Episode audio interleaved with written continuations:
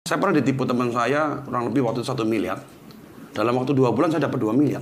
Kita nggak punya niat jelek, selalu niat baik. Apa pun itu, Ya. dia mau nipu nggak nipu kita niat baik dulu lah. Itu Ini banyak masih temen yang lihat, ah jangan SD. teman sama Basuki, udah miskin. Kalau mungkin itu nggak berkat Tuhan, mungkin saya sudah jadi gila hari, hari ini. Kegagalan bukan akhir dari segalanya, kesuksesan juga tidak selalu ada selamanya. Suka duka silih berganti, tapi kemauan dan keyakinan untuk terus melangkah itu yang harus dimiliki. Dan sudah hadir bersama saya hari ini adalah Basuki Surojo. Terima kasih.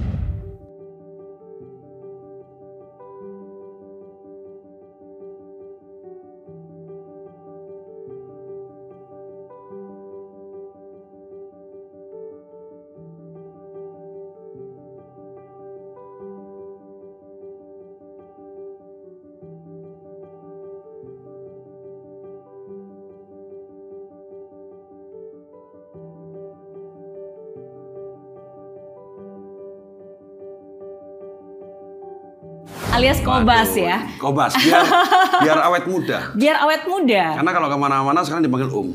Oh Ya, gitu. om, om, kalau jangan om dong, koko, jadi kobas terus. Umur berapapun kobas. Selalu kobas, Kobas. ya. Oke, oke. Nah, jadi uh, senang banget hari ini Iya. ketemu lagi di sini. Yes, uh, tambah seger Iya, diet. diet ya. Iya. Dua dua bulan ini dari 96 aku ke tadi pagi 86. Hmm, dalam waktu Dua bulan. dua bulan, 10 kilo. Iya. Wow, emang sengaja atau gimana? Mhm. Ah, memang sengaja mau sehat. Terus kan aku diet gitu plus olahraga. Mm. Itu biasa double efeknya. Terus tiap pagi kan minum yang burn itu, burn. Burn jadi- kalori. Ya, burn kalori jadi lebih cepat. Oke, oke. Targetnya berapa? Eh, 81 lah. Oke, dikit yang penting lagi. yang penting perutnya nggak ada. Jadi biar nggak buncit gitu. biar nggak buncit. Oke, tapi seneng lihat uh, Kobas lebih segar, Iya. lebih sehat, lebih berenergi pastinya. Iya, pasti. Iya, nah tapi satu hal nih, kalau dari tadi kan berat badannya berkurang Iya. ya. Tapi kan sebenarnya di tengah-tengah pandemi ini banyak bisnis yang justru bertambah nih dari Yes. Kobas, benar nggak? Iya. Ya, ini satu hal yang justru sangat berbeda karena kalau banyak orang bilang, wah pandemi masa susah, ekonomi sulit, terus keadaan buruk berarti semua orang nasibnya buruk. Dan saya selalu bilang itu nggak benar karena keadaan buruk bukan berarti nasib buruk ya. Yes. Itu semua tergantung dari respons kita. Dan saya kasih tahu salah satu contohnya bagaimana di tengah keadaan sulit ini justru malah bertambah dan bertumbuh. Amin. Apa saja yang sebelumnya tidak ada tapi sekarang jadi ada gara-gara pandemi. Jadi kalau sebelumnya memang fokusnya di IT ya. Mhm. Se- Sejak pandemi itu tiba-tiba jadi selebgram. Hmm. Terus jadi youtuber. Itu Terus- memang memang ingin atau Enggak, gimana? enggak. Itu karena saya juga nggak nggak tahu juga karena memang mungkin eh, sesuatu yang menurut saya nggak ada di pikiran saya untuk bisnis kuliner untuk lainnya. Tapi memang berjalan waktu kan kita ngikutin aja. Hmm. Jadi sebelumnya nggak ada kuliner, tiba-tiba ada Raja C, Hmm. ada Raja Rosso, tak lagi ada Raja Crispy. Jadi kebetulan yang Raja Rosso ini kita mau buka tanggal 15 hari Senin depan. Oke. Terus kita ada cafe juga Sibet. Oke. Dan yang terakhir ini kita bikin travel, Raja Travel. Wow. Dan semua ini terlahir Se- di tengah-tengah pandemi. Iya. Oke. Cuma se- selain juga ada bertumbuh juga ada satu perusahaan saya juga yang rugi lah. Hmm. Dari 100 orang sekarang cuma tinggal kita pengurangan itu sekarang tinggal 30 orang Hmm, itu di bidang apa? di bidang pekakas. Perkakas. Iya. Oke, oke. Jadi memang eh, sama seperti dunia bisnis ya kita juga harus bisa agile dan fleksibel melihat Yes. ya. Jadi pasti kan ada yang bertumbuh tapi ada juga yang mungkin belum bisa dilakukan secara maksimal ya harus Ya karena orang lihatnya saya kan selebgram jadi oh untung-untung terus padahal ya juga ada yang untung, ada yang rugi. Semua pengusaha kan seperti itu. Hmm, berarti semua konsisten nih. Awalnya kan raja IT, Iya. tapi sekarang jadi Raja-raja semua. raja bukan hanya di kuliner tapi bahkan sekarang udah mau merambah ke travel. Travel. Ini eh, konten YouTube saya juga nanti akan ganti jadi raja juga, Raja Entertainment. Oh, oke. Jadi raja aja semua. Ya. Kenapa jadi raja? Karena biar gampang brandingnya. Kalau aku pakai nama lain kan branding lagi susah kali gitu. Hmm, kenapa nggak pakai sebelumnya kan Kobas? Kobas. Karena kalau Kobas identik sama saya kan. Hmm. Eh, terus menurut saya nanti apa kurang kalau pri- nama pribadi itu kadang-kadang kurang sukses. Jadi harus pakai nama yang Ya. memang memang keren gitu. Kurang fleksibel, kurang Ya, bisa di scale up ya yes, berarti setuju. ya. Oke. Jadi Sama, identiknya saya tantangannya terus itu. sama tantangannya sama Ah. karena kalau awalnya bisnisnya kan juga Mary Riana Group, Ah, Mary Riana Learning Center, Hmm. Mary Riana Life Academy gitu ya. Tapi again plus and minus Hmm. uh, one of the good things of course itu kita bisa meleverage tapi ya salah satu kekurangannya sometimes kadang-kadang orang selalu pengennya saya Harus itu dia. harus selalu muncul Itu dan yang selalu saya ada. pelajarin juga. Iya, iya. Jadi kadang-kadang kalau sekarang kan nggak perlu ada saya tetap bisa jalan gitu. Betul, karena kan nggak semuanya juga kita bisa hands on kan. Iya. Sometimes operation juga dihandle oleh orang lain, tapi since memang masih ada nama, sometimes kadang-kadang jadi terrelate dan Itu dia. terasosiasi. Jadi kita rasanya kalau orang nggak ketemu saya tuh misalnya contoh kalau Kobas Entertainment nih. Iya, Saya ngundang misalnya eh, artis. Iya. Pasti maunya ketemu saya. iya. Pasti dong. Tapi kalau Raja Entertainment kan belum tentu saya gitu. Iya.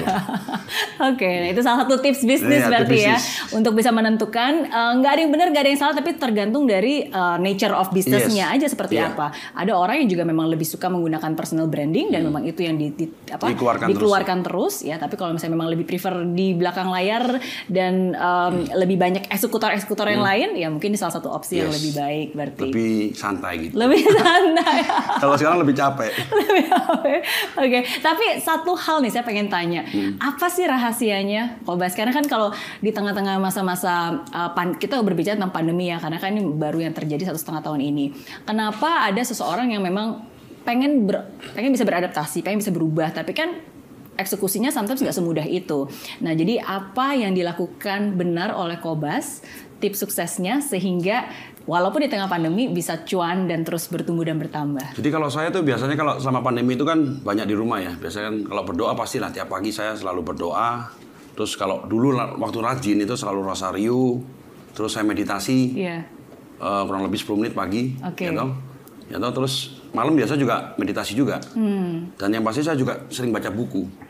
Saya bi- biasa liatin orang-orang lain ini kenapa ya kan? Karena kan saya umur udah generasi X ya. Kalau nggak ngikutin zaman sekarang ter, ter apa ter tertinggal, tertinggal ya. ya kan dan tak pasti yang saya yakin sampai hari ini cuma berbagi Hmm.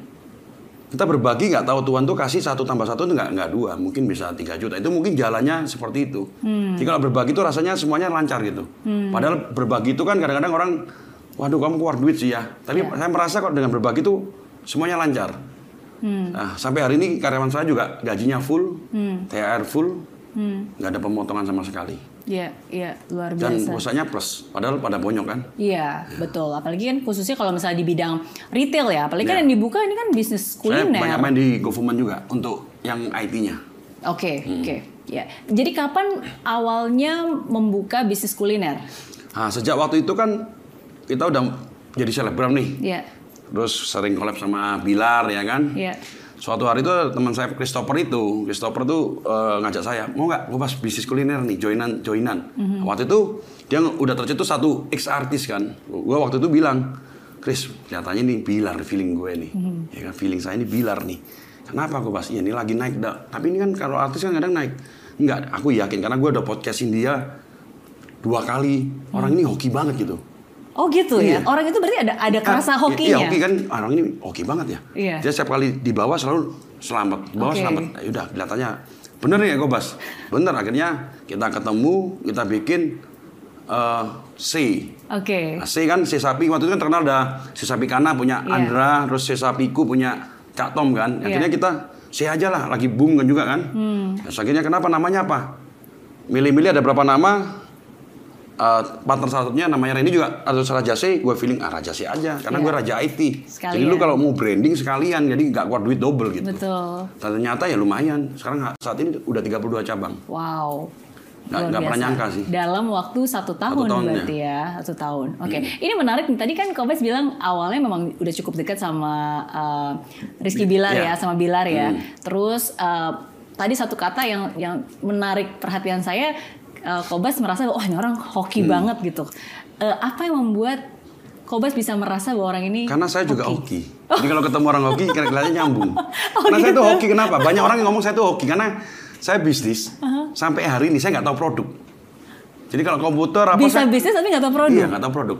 Saya pakai Jualan IT tapi nggak tahu produk Nggak- IT. tahu produk saya. Kok bisa? Iya kan ada kakak ipar yang ngurus. Oke. Yang penting kan secara visi misi perusahaan. Oke. Nah, terutama saya paling kuat di sistem secara Oke. efisiensi ngatur orang kayak contoh kemarin itu yang itu saya bikin lebih canggih. Hmm. Saya suka itu. Terus saya hobi saya lobby orang. Hmm. Kenal sama orang. Jadi kalau dapat kerjaan ya saya kasih aja kakak ipar tolong spekin. Jadi saya sampai hari nggak ganti produk. Hmm. Orang banyak ngomong hoki, tapi nggak hoki doang. Saya juga kan kerja keras juga, kerja sampai malam, ngatur orang kan itu juga nggak gampang gitu. Iya, tapi iya. dari satu sisi orang banyak lihat saya hoki. Oke, dan dan Karena hidung saya kali. Oke, tapi memang orang baik Iya. suka berbagi itu pasti mem- apa ya memancing lebih banyak lagi rezeki dan kebaikan. Hmm. itu saya percaya ya. banget. Iya, Jadi kalau iya, iya. banyak karyawan itu kan banyak ngomong, wah Basuki ini goblok banget kan. karena Kenapa karena mereka? Hmm. sering ditipu karyawan katanya. Menurut saya saya nggak nggak goblok. Saya tahu batas saja kalau kenapa ditipu, ya kan. Tapi kalau itu terjadi, saya ikhlaskan aja. Ya, Pasti dapat dapat ke saya double dan lebih cepat. Iya. Saya pernah ditipu teman saya kurang lebih waktu satu miliar. Dalam waktu dua bulan saya dapat dua miliar. hmm, Jadi sesimpel itu aja kita ikhlas, ya udah. ya. Em, saya masih ingat karena itu satu hal yang waktu itu Kobas juga Yes. cerita eh, di program acara saya I'm Iya. Possible Eh, dan itu cukup membuat kaget dan sakit hati awalnya karena itu adalah teman dekat sendiri yang Yes, sudah dipercaya dan sudah teman dibantu. dekat sendiri dan saya bantu saya bawa dari eh, satu kota ke Jakarta satu keluarga saya pindahin semua saya kasih kos kosan dari cuma dari tukang masak sampai jadi sales. Hmm, tapi saya sampai ini ikhlas aja sih. Hmm, ya. saya udah maafin dia saya udah maafin tapi kalau untuk berteman lagi untuk beda beda beda beda Ya kita bisa memaafkan tapi kita harus selalu belajar dari Yes. pengalaman dan kesalahan ya. Ya. Dan akhirnya terbukti dari situ yang tadi Kobas bilang dalam waktu du, satu satu bulan. dua bulan Dua itu bulan. yang yang diambil dia balik da- dari kerjaan teman saya Hmm, oke. Dan itu karena Ikhlas bisa aja. mengikhlaskan. Gimana caranya Kobas bisa ikhlas? Saya nggak tahu ya, saya tipikal orang yang gampang nangis gitu. Hmm. Jadi sesuatu kalau misalnya dimarahi orang tua saya gampang nangis. Kalau lihat orang sesuatu yang butuh itu saya iba. Hmm. Jadi karena itu mungkin bawaan dari lahir kali ya. Hmm, Dan saya juga sering belajar sama papa saya sama mama saya, ya udah ikhlasin aja. hmm, ya, Kita kalau kita misalnya dendam, terus kita mikirin lainnya, kan kita fokusnya ke orang itu terus. Iya. Tiap hari mikirin dia. betul. Sedangkan kita banyak hal yang kita bisa kerjakan tanpa memikirkan mereka kan gitu. Jadi rugi dua kali dua ya. kali gitu. Karena apa yang kita fokuskan kan itu yang kita rasakan. Iya. Kalau kita fokus kenapa sih kok dia curang, ih kok jahat, Ah. kok dia mengkhianati. Apalagi lebih parah, kita jadi punya pikiran negatif kayak orang-orang lain. Iya. Jangan-jangan yang, Yang, ini, yang ini, juga padahal yang orang ini baik kan, bener nggak? iya. Jadi saya iya. ikhlaskan aja. Betul. Bukan sesuatu yang mudah. eh, karena saya juga pernah, pasti kita semua pebisnis pasti Iya, pernah ya pernah mengalami masa-masa seperti itu ya. Tapi ya, tapi memang benar sih. Sometimes sih kita harus bisa let go dan ya udah let God. Ya, dari pengalaman itu makanya kan best. Hmm. saya bikin buku waktu itu kan, supaya teman-teman yang baca buku saya itu nggak terulang apa yang saya lakukan. Hmm. Nah, tinggal kalau orang itu buat salah sama kita, kan kita magerin. Hmm. Oh kesalahan saya di sana magerin, jadi saya bikin SOP. Misalnya kalau contoh misalnya dulu ya, sales saya itu bisa eh, kirim barang, Hmm. bisa nagih. Itu yang ter- terjadi karena dia menipu itu. Karena dia bisa kirim barang, ternyata barangnya dia jual tempat lain, Iya. nah, dia nagih sendiri, ternyata semua stempelnya palsu. Ya. Dan Maka- dikantongin nah, sendiri. Makanya sekarang kalau dibuat SOP di saya, Hmm. eh, sales tidak boleh sama sekali kirim barang dan nagih. Sales tidak boleh ke gudang saya sama sekali, kecuali ada tantangan dari atasannya. Hmm. Harus ke tagih, harus tukang tagih sendiri. Jadi mereka nggak ber, Satu. bersatu. Tapi kalau berkong kali kong bisa, tapi kan sangat susah. Iya. Harus berapa orang dia harus berjamaah gitu. Iya, ya intinya kalau orang jahat tetap aja punya niat jahat, Yes. apa pun juga bisa dihalalkan. Iya. Tapi bagaimanapun juga itu urusan dia lah, Iya. ya kan. Yang penting kita tetap dengan urusan kita, tetap melakukan yang baik dan benar, ya nanti hasilnya juga, juga Yes. pasti baik dan benar. Amin, amin. Nah, balik lagi ke, ke Bilar nih. Hmm. awalnya kan tadi ngomongin dengan Bilar ya. Berarti sedekat itu ya hubungan dengan Bilar. Sejak kapan nih bisa sampai Uh, saya sedekat lama itu? banget tuh. Awalnya tuh memang dia lumayan terkenal. Hmm. Tapi waktu saya pertama kali ketemu kakak itu di restoran Heaven sama Husen kan. Oke. Jadi itu kita ngobrol-ngobrol waktu itu mau bikin bisnis kan, Hmm. tapi nggak kejadian. Tapi Bilar waktu itu keluar dari kafe nggak ada yang foto. Coba sekarang. Dulu belum belum Ah, belum belum ya, banyak yang terkenal, kenal ya. terkenal sih, cuma nggak nggak sampai yang se- sekarang. Iya, iya. Kalau dulu keluar dari kafe mana ada yang coba sekarang. Ah. Waduh, udah kayak mana aja dikejar. Iya, Iya. iya. Tapi dia orang yang apa kuat lah, maksudnya yang rajin sih. Hmm. Memang passionnya di entertain kali ya. Iya, betul, betul. Dan mungkin punya kebesaran hati juga ya. Iya. Makanya yang tadi Kobas bilang mau naik turun seapapun ya tetap aja Tetap, pasti iya. bisa naik Saya lagi. kenal sama papanya, sama mamanya, sama kakaknya, abangnya. Hmm, Sekarang sering main ke rumah kakak juga. iya. Segitu dekatnya sampai-sampai pas lagi nikah kemarin memberikan hadiah yang super sangat spesial sebuah mobil Alphard. Enggak, jadi waktu itu kan pikir kan saya juga ada sama kakak kan. Iya. Terus kakak waktu itu ngomong, ayo ini masa kakak sendiri nggak ngasih apa-apa kan. Ah, waktu itu kan saya mau ngasih souvenir gitu loh.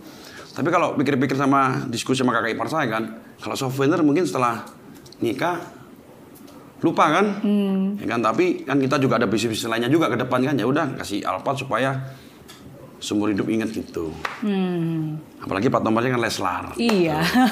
Nyarinya- susah loh nyar- katanya Tapi nyarinya. susah tapi saya di, dipermudah saya dalam waktu tiga hari udah dapat mobilnya, udah dapat plat nomornya. Oke. Padahal mobil itu susah kali nyarinya karena mobil itu tipe Alphard yang paling mahal. Iya, iya. Dan kita cari nggak ada. Karena maunya warna ini, Warna- warna, ini. warna putih ya? Tapi itu warna putih awalnya warna coklat. Kita stikerin jadi putih. Tapi sekarang dicat warna putih. Oke, oke. Tapi ternyata akhirnya di- dipermudah Iya, dan dipermudah akhirnya semua. bisa dan menjadi kadio spesial yang Iya. indah. Iya. Tapi yang belum jodoh waktu itu ya habis itu saya nggak bisa hadir karena waktu itu kan saya di Bali nih. Awalnya mau da- mau hadir, Hmm. tapi anak saya yang cewek mau milih Bilar atau Mimi. Nggak bisa ngomong saya. Akhirnya kita di, di Bali extend kan, Iya. bisa ketemu. Iya. Setiap kali saya ke Bali mesti nggak nggak pas acaranya acaranya kakak gitu loh. Jadi selama Berontetan itu saya cuma hadir di yang di acara Bujang aja. Oke, iya. Dan selalu saya ada di Bali. Selalu waktunya nggak pas. Iya. Tapi nggak apa-apa ya. Saya yakin pasti eh, yang lebih penting adalah kehadiran di hatinya, Yes. bukan kehadiran di acaranya. Benar. Iya.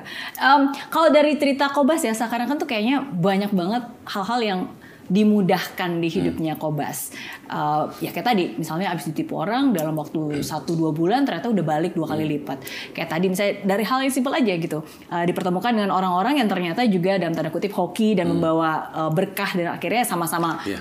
sama-sama berlimpah. Eh, bahkan kalau misalnya mau nyari mobil aja yang tadinya platnya agak susah, eh ternyata tiba-tiba jadi dipermudah. Hmm. Jadi kalau menurut Kobas itu kira-kira itu takdir, nasib, atau memang Menurut saya karena apa? karena kita selalu berdoa ya tiap pagi saya juga berdoa tapi kan saya di berdoa juga nggak pernah minta aneh-aneh sama Tuhan lah. Ya, kan? kita berdoanya juga tulus. Terus kita juga apa nggak pernah berbuat sesuatu yang jahat sama orang. Saya yakin semua orang kalau ngelakuin yang sama, kita nggak punya niat jelek, selalu niat baik. Apa pun itu, Ya. dia mau nipu nggak nipu kita niat baik dulu lah. Ya. Tapi setelah itu memang orang itu nggak baik ya udah kita nggak usah berteman. Hmm. Nah dengan cara itu mungkin kalau orang ngomong kan saya kemarin baca buku secret secret tuh Oh iya, ya kan? oke, love Jadi attraction ya. mungkin itu Love yang jadi attracts. auranya mungkin dari semesta juga mendukung gitu. Iya. Saya baru kemarin tuh kayak yang penting kayak Raja Travel. Itu momennya kan saya mau bikin travel udah lama. Iya. Cuma momen kemarin tuh sa- sangat cepat loh. Saya ngajak teman saya, teman saya bisa saya ketemuin, terus ada bilang, udah saya sponsorin kakak aja lah. Hmm. Dalam 10 hari kita 80 ribu follower dan centang biru. Hmm. Dalam momen cuma 10 hari. Oke. Dan Gimana kita saat ini kita buka udah udah dua grup yang nggak yang yang yang daftar udah Oke. bisa jalan. Ya saya juga nggak tahu rahasia kenapa gimana. Iya. Tapi ada aja momen itu saya selalu masuk pas. Oke, kenapa travel? Karena kan justru di tengah-tengah pandemi ini travel yang sangat berdampak. Sedangkan kan pandemi ini ya walaupun sudah membaik, tapi kan nggak guarantee gitu, belum benar-benar Hmm. Tapi over. analisa saya kan seperti ini. Jadi kalau kita kan eh, lihat kan semua di Indonesia kan udah swab, eh, udah, udah vaksin, semua Hmm. Vaksin. kan. Jadi waktu itu dua tahun yang lalu, kalau saya pelajarin kan, berarti kalau bisnis travel itu kan pasti ada yang gede, ada yang besar kan. Iya. Nah, selama pandemi gitu kan mereka jadi sama. Oke, Iya dong. di normalize lagi Normalize ya. semua kan berarti betul. bisnis itu kan mulai dari nol lagi. Iya. Menurut saya, menurut pendapat saya. Nah, kita bikin travel itu da- dari da- database kan banyak juga karyawan non travel itu keluar kan. Secara Hmm. database mungkin kita nggak menang lah lawan yang gede. Ya toh? Hmm. Tapi secara kecil-kecil kita sama. Tapi kan kalau dengan misalnya dengan X yang udah terkenal, saya cuma kalahnya cuma di branding. Hmm. Kalau misalnya contoh kita di acara expo, orang pasti datangnya ke X dulu. Iya. Tapi kalau brandingnya sama, orang udah pada tahu semua, itu akan Oke. lebih gampang kan. Database gampang lah kita rekrut orang yang udah keluar, kita udah punya database. Iya. Jadi saya makanya saya branding dulu supaya levelnya sama. Hmm. Setelah itu kita mulai sama-sama sistemnya itu kan tinggal kita bersaing secara secara sistem kan. Sistem. Bisa lihat lah Bu Mela, Ci, kalau yang di eh, di travel itu yang centang biru cuma Panorama, Bayu Buana sama saya. Iya. Lainnya nggak ada centang biru. Iya. Jadi secara level branding saya sama. Jadi kalau di Google Trend bisa lihat, hampir semua orang DKI udah tahu Raja Travel. Hmm. Nah, saya lihat ke depan. Ini kan kenapa saya mulai momen sekarang? Hampir semua sekarang travel udah buka semua. Iya.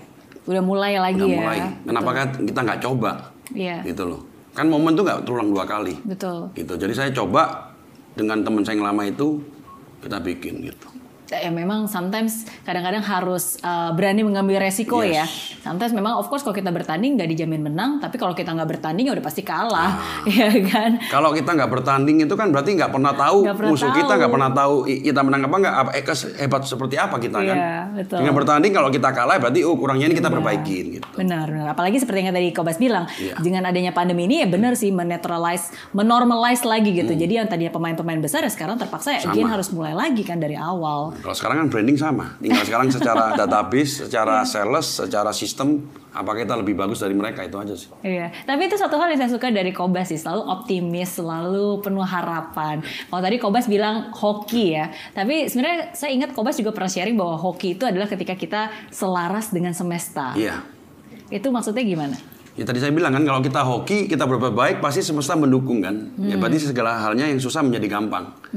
Nah, termasuk tapi orang banyak lihat kan saya oh sukses di sini. Padahal saya kemarin juga gagal. Saya waktu itu bikin startup juga gagal. Saya gagal rugi hampir 3 miliar. Oh, Iya. bikin startup apa? Jadi waktu itu ada teman datang ke saya mau bikin satu startup itu mengumpulkan semua IP. IP itu kayak gini. Iya. Terus kita IP itu kita sebagai portal kita kalau orang ada butuh kita menjembatani. Ternyata selama setahun rugi bayar gaji dan startupnya juga nggak jadi-jadi. Tetap aja rugi gitu. Nah, jadi nggak semua hal itu untung gitu. Oke. Ya kan pasti ada ruginya juga. Tapi biasa kalau saya selalu yakin semua kesempatan biasa tuh saya lihat kalau memang cocok saya feeling saya ambil mungkin dari 10 kesempatan 9 gagal satunya tuh bisa mengganti 9 kegagalan itu. Saya selalu yakin itu. Yang satu itu sudah cukup ya Sudah cukup untuk membayar. mengganti kerugian itu semua. Oke, tapi dari mana Kobas bisa tahu untuk mengambil sikap dan menentukan bahwa yang ini memang gagal, yuk kita coba lagi, yuk kita coba lagi ganti strategi sama yang ini udah gagal ya udah deh kita berhenti aja. itu kadang-kadang mungkin jam terbang ya karena sering ketemu orang sering lihat sesuatu jadi feeling jadi kalau orang ngomong apa ya alam bawah sadar saya udah ngomong "Oh, ini janganlah oh ini lu ambil dong. Itu aja sih. Mungkin karena sering meditasi itu pengaruh kali. Iya. jadi kalau se- sering meditasi itu kadang-kadang ada sesuatu yang kadang-kadang contoh misalnya punya masalah nih ya. Udah jalan buntu tiba-tiba ada orang yang datang bantuin kita. Dan itu selesai semua. Hmm. itu aja saya sering banget kayak gitu. Sampai hari ini masih Iya. meditasi. sampai kalau sekarang berapa hari ini karena malamnya sering pulang malam jadi pagi doang. Pagi paling 3 10 menit doang. Kalau dulu kan pagi bisa sampai 30 menit malam 30 menit Iya. A- a- seperti apa rutinitas meditasinya Kobas? saya meditasi pakai yang diajarin sama yang gini terus ini fokus di sini aja itu ada namanya pelatihannya sih kemarin aku ikut cikung itu kayak cikung circulation of ki by Budiman saya waktu itu ikut Oke, dan itu dilakukan setiap hari. setiap hari pagi dan kalau biasa kalau siang makan siang saya lima menit gitu Oke, oke. kantor saya tutup saya meditasi Iya. cuma terakhir ini sering sibuk terus sering minum whisky jadi berkurang meditasinya Iya. ya tapi it helps sih. Maksudnya ada banyak orang termasuk saya pun juga. Maksudnya di tengah-tengah pandemi ini kan memang bukan hal yang mudah ya. Sometimes kan kadang-kadang kita butuh wisdom. Kadang-kadang ada banyak hal yang mungkin kita tahu strateginya karena mungkin dulu kita udah punya pengalaman. Tapi ada banyak keputusan yang harus kita ambil dan sometimes kita sendiri nggak tahu nih bener nggak ya. Yes. Ini uh, tepat nggak ya gitu. Nanti dampaknya apa. So sometimes memang sering kali dengan kita have quiet time, personal time, meditasi, saat teduh. Intinya em, apa ya menenangkan Iya. hati dan pikiran lebih tenang tuh lebih lebih terbuka dan lebih banyak jalan yang terbuka dan Iya. akhirnya lebih banyak ide yang terbuka juga. Iya, iya, iya. Oke. Tadi Kobas ngeliat tentang ini, ini menarik. jadi nih. ini, ini apa nih? sosok saya nih jadi Oke. saya tuh kan selalu memvisualisasikan sesuatu kan ada bu- baca, buku juga kan Iya. kalau kamu memvisualisasikan satu buat itu sampai benar-benar nyata gitu loh. Iya. Jadi kalau saya dulu punya keinginan, oh saya punya mau pingin punya rumah kayak gini, mobil saya ini. Kalau orang kan biasa kan digambar tuh. Iya. Kalau saya tiap pagi, Hmm, setelah meditasi itu saya pakai waktu 1-2 menit untuk ah, ini saya kepingin ini nih. kayak- Saya tiap hari ulang. visualisasi. Iya ya? visualisasi kan. Nah, waktu itu teman saya tadi ngajak startup itu datang ke saya. Dia tuh sering bikin komik. Hmm. Ya akhirnya ya udahlah. Visualisasi saya nggak udah nggak mimpi lagi dal- dalam bentuk komik gitu. Jadi saya bikin komik keluarlah Like Man ini. Oke. Nah, Like Man ini saya. Oke. Gitu loh. Kita jadi apa yang saya pinginkan udah ada di komik itu. Misalnya Oh, like, ada- ada komiknya? Iya, ada komiknya. Oh, oke. Jadi Like Man itu misalnya saya kepingin private jet gitu. Jadi Like Man udah punya private jet gitu loh. Wow. Gitu loh. Terus like, kita mau berbuat baik sama orang, jadi like man sering bagi-bagi sama orang-orang gitu. Oh, berarti ada ada Ada komik di seriesnya webtoon. La- Lightman Nah, ya. Sekarang udah sampai sampai dua session udah. Sekarang session yang Avenger, Avengernya kita pakai nama Ultimate. Oke, wah menarik nih, harus bisa dicari Iya, nih iya. berarti. Di webtoon ada namanya Like Man. Lightman. Iya. Oke. Tapi sebelumnya saya udah bikin juga namanya yang Ayo Robot juga. Oke. Iya. Dan ini berarti ini menggambarkan sosok eh, Kobas berarti Ya, ya. itu kan ada tuh. Iya. Terus saya suka Like Man kan kalau di bukunya eh, Agung Wibowo itu ada kan kita harus cerah. Oke. Nggak boleh matiin ma- matiin kegelapan kan? Iya. Terus lilin ya. Jadi makanya jadinya Like Man. Oh, oke. Oke. Pria yang Kan membawa cahaya. Ini tangan sebelah kiri Untuk hand to help membantu, untuk membantu. ini untuk keadilan. Oke. Ini yang gambar eh, ini customize. Saya ngerayunya susah. Si Noval Abansar. Oke. Selebgram juga pelukis muda. Wow. Jadi saya ngerayu dia tuh hampir tiga bulan untuk bikin customize ini. Biasanya dia nggak mau. Iya. Dia harus baca komiknya dulu. Dia mau. Iya, iya, iya. Nice, nice. Ini apa? 100% Oh ini sabuknya. Apa nih? 100% pu- Persen pure apa itu? gila ya? Atau apa? Gala tuh. Gagah, gagah. Gagal. Oh iya gagal kali. Gagah. Oke. Gitu. Tapi itu ya. uh, I'm a man with big heart because I believe in good things. Percaya dengan hal-hal baik seperti yang Jadi saya punya lukisan bilang. beliau ini tiga biji. Ini satu, ada di Oh. bawah satu sama saya simpan satu. Oke. Wow, luar biasa. Kenapa hahaha? Dia memang awalnya memang haha semua lukisan dia ada haha. Oh gitu. Oke. Karena sampai kayak jadi kayak gitu juga sekarang. Oh, oke oke. That's Terus nice. saya kan suka bikin sesuatu makanya saya kan suka berbau samurai makanya sekarang yang episode ada satu session tuh tentang Iron Samurai ini. Oke, ini berarti Ya, ya. Iron Samurai. Iya, nah, sekarang iya, yang efek- yang ultimate gabungan antara yang season 1 season itu jadi satu namanya ultimate. Hmm. Ah, jadi ceritanya ngalahin eh, monsternya itu yang kalau di Avenger tuh kan ada tuh monster yang gede. Iya. Kalau saya iya. monsternya Thanos COVID. ya. COVID. Oh, monsternya COVID. Tapi dalam bentuk cewek. Oh cewek, gitu, iya. COVID-nya perempuan. Iya. Oke oke, menarik. Nah, ntar ini bisa diakses nggak bisa dibaca? Bisa di Oh, webtoon. Oh oke. Tinggal download webtoon terus cari like man. Bisa dilihat ya, dicari di sana. Webtoon kan eh, isinya komik-komik kanvasan gitu loh. Iya iya. Tapi kalau Kobas sendiri cita-cita dari kecil apa sih sebenarnya? Saya waktu kecil nggak pernah punya cita-cita malah. Masa? Iya. Karena saya kan pernah gagal ikut orang tua saya kan. Jadi saya tuh Hmm. dari kecil tuh dulu nggak pun nggak pernah mau punya cita-cita nggak nggak punya cita apa apa. Paling kalau dulu mungkin kalau tanya pilot kali gitu kali ya, dokter kali. Hmm. Nggak pernah ada cita-cita jadi bisnismen juga sih. Karena saya dulu ndablek banget. Masa sih? Iya. Masa sih? Iya, saya saya di sekolahin di Perth 6 bulan. Dalam waktu lima bulan duit habis semua. saya sampai ngem tidur di rumah temen. Karena emang nggak suka belajar. Kuliah juga 9 tahun. Hampir hampir drop off, ternyata nggak drop off. Hmm. Karena emang nggak suka belajar Nggak- atau? Saya suka baca, tapi saya nggak usah belajar. Hmm.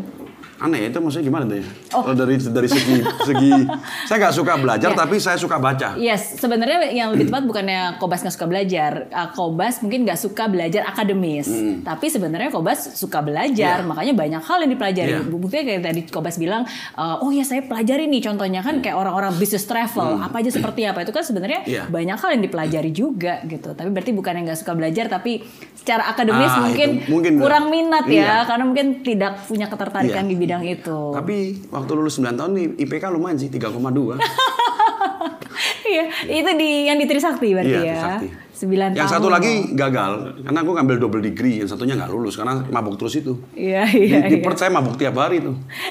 Tapi tidak pernah ada kata terlambat 9 Nggak. tahun pun Iya, 9 tahun buktinya. dengan kegigihan bisa diselesaikan. Bener. Oke, ada beberapa foto yang ingin saya tunjukin ke Iya. Kobas nih, oke. Ntar semoga ini bisa uh, di diceritain ya. Nah, ini dia. Tara. Ah, ini zaman saya masih di Jember. Ini Oh. eh, TK kali itu. Iya. Ah. Apa masa-masa kecil yang paling diingat?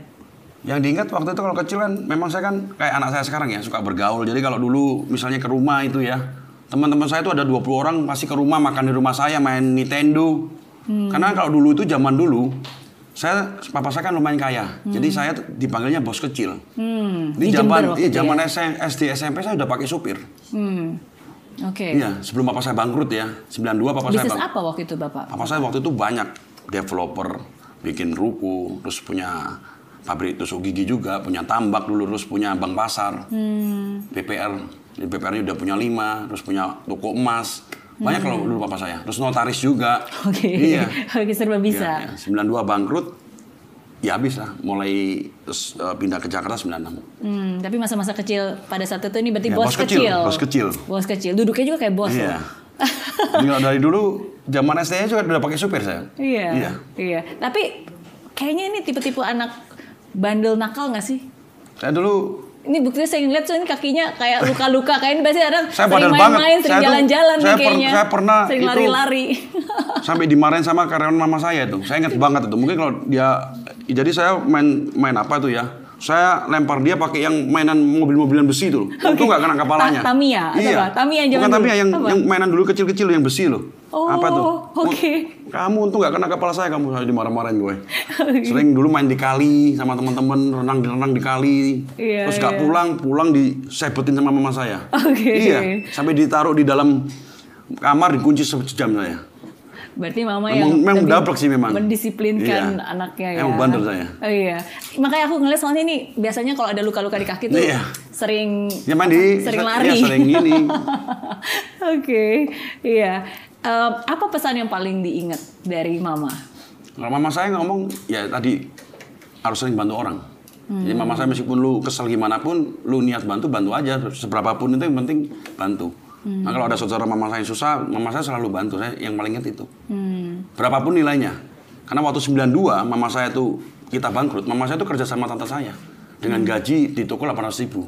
Hmm. Gitu. Itu tahun 92 sampai mungkin 93, 94 lah. Iya. Kenapa papa bisa bangkrut? Ya itu kena ras banknya. Oh. Kalau kena ras kan waktu itu kan dananya dikreditin juga selesai udah. Iya. Dalam waktu dua minggu kekayaan habis. Semuanya termasuk Semua. bisnis-bisnis yang lain ya. Iya semuanya habis. Dan pada saat itu Dan berarti itu banyak masih temen yang lihat ah jangan SD. teman sama Basuki udah miskin banyak. Paling Hmm. teman cuma tinggal lima orang dari 20 yang tiap hari sama saya. yang tadinya selalu rame-rame Iya. kumpul wah bos Iya, kecil bos iya, kecil tapi giliran Ya kan dulu kan bos kecil jatuh. mau minum apa? Aku bayarin semua. Terus bagaimana apa yang dirasakan kau bahas waktu itu? Saya cuma waktu itu merasa wah ternyata nggak semua temen tuh baik gitu. Pasti ada yang lihat kita kaya. Hmm. Tapi kalau teman baik sampai hari ini saya sering ngumpul masih. Hmm. Banyak. Karena itu itu ujian yang sesungguhnya ya. Sometimes orang-orang itu dekat dengan kita Dan mungkin gara-gara dia kita pun atau gara-gara apa kita mungkin punya. lihat sekarang saya sukses juga bingung kok bisa gitu. Karena aku aja bingung apalagi dia. Ini ada fotonya nih. Ah, ini teman-teman. saya nih. Ini yang kemarin yang berbuat kurang baik sama saya ada nggak? Nggak ada. Oh, ini temen, Temen- apa? ini temen SD. SD. Oh, satu ada. sekolah Satu semua sekolah, di sini. Iya, iya. Tadi saya nebak-nebak nih, Nah, kalau Kobas teman- yang ini- mana ini teman ya? baik saya yang ini. Ini sekarang ada di Malang. Namanya Yosep. Oh, Kobas yang ini bukan? Oh iya yang ini. Iya. Emang gaya bos berarti ya. Oke, jadi itulah masa-masa Iya. masa-masa yang selalu diingat ya. Tapi emang again sih sometimes kadang-kadang uh, ujian itulah yang benar-benar menunjukkan siapa Iya. teman dan siapa Di mana ada gula pasti ada semut. Iya. Iya. Ini zaman SMP loh. Ah, Ini waktu di Oh, ini? Ini teman-temannya berarti. Ini dari Brasil, Feby, ini juga Brasil. Ini Di berarti Jepang. SM. Enggak, ini kuliah tahun 99. Yang saya ngambil double degree itu. Oh jadi kuliah di Di Trisakti, Trisakti. kita ngambil double degree waktu itu mau ngejar BBA juga. Oke. Tapi nggak oke. dapat BBA-nya. Iya, Dapatnya iya, Basuki iya. aja. Kalau ini? Ini waktu saya kelas 6 SD. Jadi makanya saya waktu zaman dulu di Jember itu kan makanya bos kecil. Saya orang belum keluar negeri saya udah ke Amerika. Amerika, udah ke apa Australia. Hmm. Gitu. Zaman masih di Jember tahun berapa? Ini, ini kelas 6 SD saya. Iya, masih- masih celana pendek Ini gitu. terakhir sebelum apa saya bangkrut. Hmm. Ini sekitar tahun 91 mungkin. Iya. Karena 92 papa saya bangkrut. Iya. Apa pesan yang selalu paling diingat dari papa? Nama baik. Papa saya tuh dari 92 bangkrut, nama bersih baru tahun 2014. Itu berapa tahun tuh? Wow. Itu baru tahu bahwa semua orang Jember bukan papa saya makan duitnya. Tapi selama periode itu orang mikir papa saya makan duitnya. Sampai papa saya itu pernah mau bersumpah sama orang-orang itu, ya udah gini aja, sumpah tujuh turunan. Jadi kalau saya makan duitnya, tujuh turunan saya, keluarga saya tidak akan bisa makan. Tapi begitu juga kamu yang buktinya mereka juga nggak berani. Dan akhirnya papa saya hari ini bangkit. Kita eh, bisa mengembalikan semua itu dan saat di hari ini semua Jember di Jember tahu bukan papa saya makan duitnya. Hmm. Tapi butuh Berapa waktu. tahun tuh? 92 ke 92 sampai 2014. 2014. 22 tahun. Iya, baru No. Iya. Tiga eh oh iya iya Nah, betul. papa saya betul. ngomong nama baik yang paling penting. Gimana pun gimana pun nama baik. Hmm. Kalau kamu udah namanya jelek, kamu mau ke mana pun akan jelek. Hmm. Walaupun kadang-kadang yang namanya persepsi orang sebaik-baiknya kita pasti tetap aja ada orang yang selalu berprasangka buruk Iya. terhadap seseorang kan. Itu gimana? Pernah nggak sih di dihujat Saya atau di, mau pusing. disebelin netizen? Nggak mau pusing. Mhm. Kalau awal-awal jadi selebgram, saya bacain terus tuh komen. Iya. Ya kan sekarang tetap baca. Aduh, kenapa saya gini ya? Tapi kalau sekarang udah biasa lah. Kan nggak nggak ada. termasuk karyawan saya selalu bilang dari semua karyawan saya nggak mungkin semua suka saya. Pasti ada yang main di belakang saya kan. Hmm. Tapi ngapain kita pusingin? Oh mereka kerja sama saya. Hmm. Ya, ter- termasuk misalnya di, di IG ataupun di mana. Ya kalau nggak suka ya sudah tinggal unfollow, unsubscribe selesai. Hmm. Ya kan? Itu aja sih menurut saya. Iya, iya, iya. Tahu apa yang kita fokuskan, apa Iya. yang kita bisa kendalikan lah ya berarti. berarti em, terakhir nih kan kalau dari zero to hero setiap orang pasti ada masa sulitnya. Tapi gimana caranya bisa bangkit? Nah, berarti kalau dari Koba sendiri dari begitu macam perjalanan hidup yang mana titik terendah dan apa yang membuat Kobas Titik terendah itu waktu papa saya bangkrut udah pasti itu. Ya kan? Kedua waktu saya eh, tahun 9 eh, tahun eh, 2007 itu saya kena tinnitus. Jadi waktu itu saya kena tinnitus, terus saya eh, belum punya anak. Ketiga beban berat dari papa saya. Karena waktu itu saya nggak bisnis ini kan, saya kerja sama papa saya kurang lebih 8 bulan. Itu kayak dunia itu pecah terus saya sempat depresi selama 8 bulan di kamar. Di kamar 8 bulan, saya, saya- kalau saya hari ini saya mikir, gila ya 8 bulan pagi gue di kamar lah sama mama, apa sampai ke WC itu ketakutan gitu. Jadi benar-benar saya depresi itu sampai ke psikolog saya. Ya kan, terus akhirnya saya baca bukunya nggak bisa tidur saya kena insomnia dari tidur jam 9 tuh baru kesiap tuh jam 6 terus minum obat terus jadi ngel- kayak ngelawan diri sendiri kalau mungkin itu nggak berkat Tuhan mungkin saya sudah jadi gila hari, hari ini Hmm. itu istri saya bantu, mama saya bantu ngelawan diri sendiri kan. Saya buku bu- ba- baca bukunya Ro- Romi Rafael, apa Romi Rafael yang hipnoterapi. Hipnoterapi. Makanya saya, hipnoterapi saya percaya. Iya. Karena waktu itu saya mau tidur tuh pakai itu terus. Iya. Dan yang terakhir yang yang paling benar saya ke Lords. Dan tiba-tiba pulang dari Lords sembuh saya. Iya. Mujizat menurut saya di Lords itu mujizat kecil buat saya, tapi buat saya sangat besar. Betul. Jadi kalau kita bisa ceri- cerita konteksnya, jadi kalau Lourdes itu berarti untuk umat Katolik itu salah satu tempat yang Iya. yang suci lah. Sama Iya. aja kalau misalnya Muslim ya mereka ke ke Mekah Hmm. gitu mungkin ya. Jadi Saya tuh kalau dulu naik pes- jadi kalau dianalisa dari eh, psikolog waktu itu saya fobia ketakutan yang berlebih-lebihan. Jadi waktu itu saya ke Singapura itu di pesawat tuh sampai apa yang ditakutkan? ya tadi itu mungkin satu nggak punya anak terus beban yang terlalu besar terus Oke. beban dari papa saya kan besar setiap kali ketemu orang wah anaknya nih pinter nih padahal pak saya belajar hukum aja stres sendiri kerja sama papa saya tuh satu menit udah kayak satu minggu udah jam 12 siang saya aduh jam satu kerja lagi Iya. jadi kayak itu menumpuk di saya, ber, ber- mungkin berbulan-bulan. Jadi itu sampai saya waktu itu, waduh, sampai hari ini mungkin kalau istri saya ngomong, untung aja lu nggak gila. Saya tiap hari, tiap 8 bulan, selama 8 bulan loh, tiap hari pagi sampai itu di kamar aja, duduk aja bu, duduk aja ngerundungin nasib. Aduh kok nasib gue jelek banget gini-gini. Hmm. Tahun 9, ah, 2006 kalau nggak 2000, oh, 2007. Saya ingat banget tuh. Iya. Iya. Banyak yang mendoakan. Iya. banyak yang memberikan support, banyak yang masih sayang sama Iya. Kobas, termasuk Tuhan buktinya ya. Makanya akhirnya apa pun itu walaupun 8 bulan, again itu sangat lama sih sebenarnya. Kalau Iya. sekarang saya pikir kita seminggu aja lama, apalagi Iya. 8 bulan. Gitu. Bener-bener literally nggak Iya. nggak bisa ngapa-ngapain dan Nggak. nggak bisa berfungsi kan. Mm-mm. Saya juga sampai hari ini kalau mikir, aduh kok bisa ya? Sama 8 bulan tiap hari di kamar, cuma ngerungin nasib. Hmm, Karena mama saya nangis-nangis. iya. Udah kamu mau apa aja? Udah kamu mau ngangkat anak silakan. Kamu butuh duit berapa? 2 miliar, 3 miliar. Enggak. Apa pun yang itu udah kayak hidup gue itu tinggal setengah aja gitu. Kalau sekarang dikasih 3 miliar juga mau sih. Kalau waktu itu mau dikasih Waktu 10 itu miliar, 20 miliar. bukan uang yang menjadi even ini hobi kan. saya nonton, hobi saya kan main game. Itu pun hilang. Jadi kayak hidup tuh tinggal setengah aja. Jadi apa yang kita suka itu udah kayak hidup kita kayak gimana ya? Waduh, kalau saya ngomong sama orang yang yang nggak pernah sakit jiwa, mungkin nggak nggak nggak ibu nggak bisa ngerasain. Saya harus pernah ngomong sama orang yang benar-benar depresi itu baru bisa nyambung. Karena tampak depannya normal, tapi hatinya yang sakit. Jadi kalau nggak pernah depresi ngomong sama kita yang depresi itu nggak nyambung. Papa saya tuh selalu ngomong saya pura-pura. Selama berbulan-bulan papa saya ngomong ah kamu bohong kamu. Ya dia ngomong bohong ya udah gue nggak nggak pusing memang gue depresi. Iya, karena dia nggak mengetahui Yang ngerasain apa apa yang terjadi, hati saya. kan? Iya, Itu hidup tinggal separuh ibu. iya. Mau dikasih apa pun duniawi udah nggak nikmat. Hmm, Nikmatnya cuma mau sembuh, mau sembuh, mau sembuh. Lawan diri, kayak ngelawan diri sendiri yang paling susah. hmm. Apa mukjizat yang terjadi di Lourdes, di Lourdes waktu itu? Saya kurang tahu, tiba-tiba saya pulang seminggu kemudian udah kok enak badan saya, gitu aja. Bisa tidur. Oke. Karena kena insomnia tuh nggak enak banget tuh. Bu. Hmm. Kita merem itu otaknya. Dan waktu ke road trip itu saya maksa banget karena badan saya menaik pesawat itu takut ketakutan. Jadi selama di perjalanan saya ketakutan sekali. Hmm. Jadi mau nggak maksa terus. Pokoknya nggak enak deh bu, saya nggak bisa cerita nggak enaknya gimana. Aduh, pokoknya nggak enak banget. Iya, iya, iya. Nggak enak banget. Iya, iya. Masih ingat nggak apa yang ada di doa Kobas waktu itu? Cuma mau sembuh itu aja. Hmm. Saya nggak minta duit, nggak minta apa, mau kaya, miskin. Saya cuma ingin sembuh aja gitu. Saya ingin bahagiakan orang tua saya itu aja. Hmm, Itu aja. Pokoknya waktu itu itu aja doanya. hmm, ya.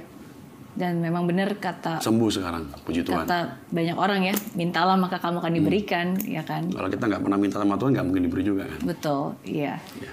Tapi bersyukur setidaknya bukan Sekarang hanya normal. diberikan kesembuhan loh. Bagi rezeki yang banyak. Diberikan rezeki yang banyak dan sekarang bisa memberikan rezeki lebih banyak lagi Amin. bagi banyak-banyak Amin. orang. Amin, amin, amin.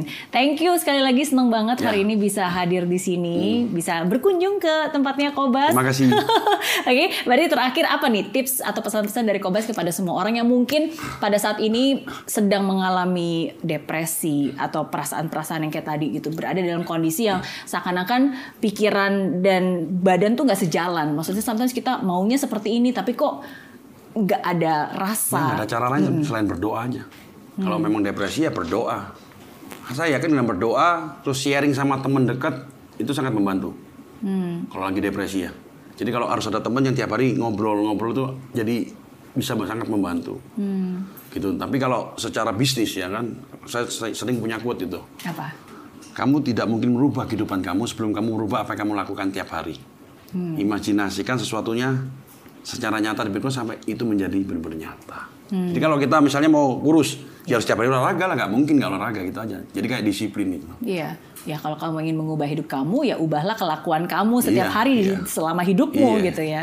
Makin lebih baik, lebih baik, lebih baik. Iya, Itu aja sih. kalau kelakuannya nggak berubah ya gimana hidupnya mau berubah? Iya. Oke, thank you sekali lagi Makasih. buat Kobas. Ya, dan buat semuanya pengen tahu lebih banyak lagi harus subscribe ke channel YouTube-nya Kobas. Terima kasih banyak. Eh, apa channel YouTube-nya? Sekarang Kobas Entertainment. Bukan masuk kiri Rojo lagi. Oke, sekarang udah Kobas Entertainment ya. Dan sukses juga untuk semua. Terima kasih. Termasuk yang terbaru Raja Travel. Amin. Oke, dan semuanya semoga apa yang diberikan hari ini bisa bermanfaat. Seperti saya bilang, setiap orang punya cerita dan setiap cerita selalu membawa pelajaran berharga. Semoga cerita dari Kobas hari ini bisa memberikan pelajaran berharga buat Anda semua. Apa pun yang terjadi, fight till the end and never give up. Bye-bye. Ya,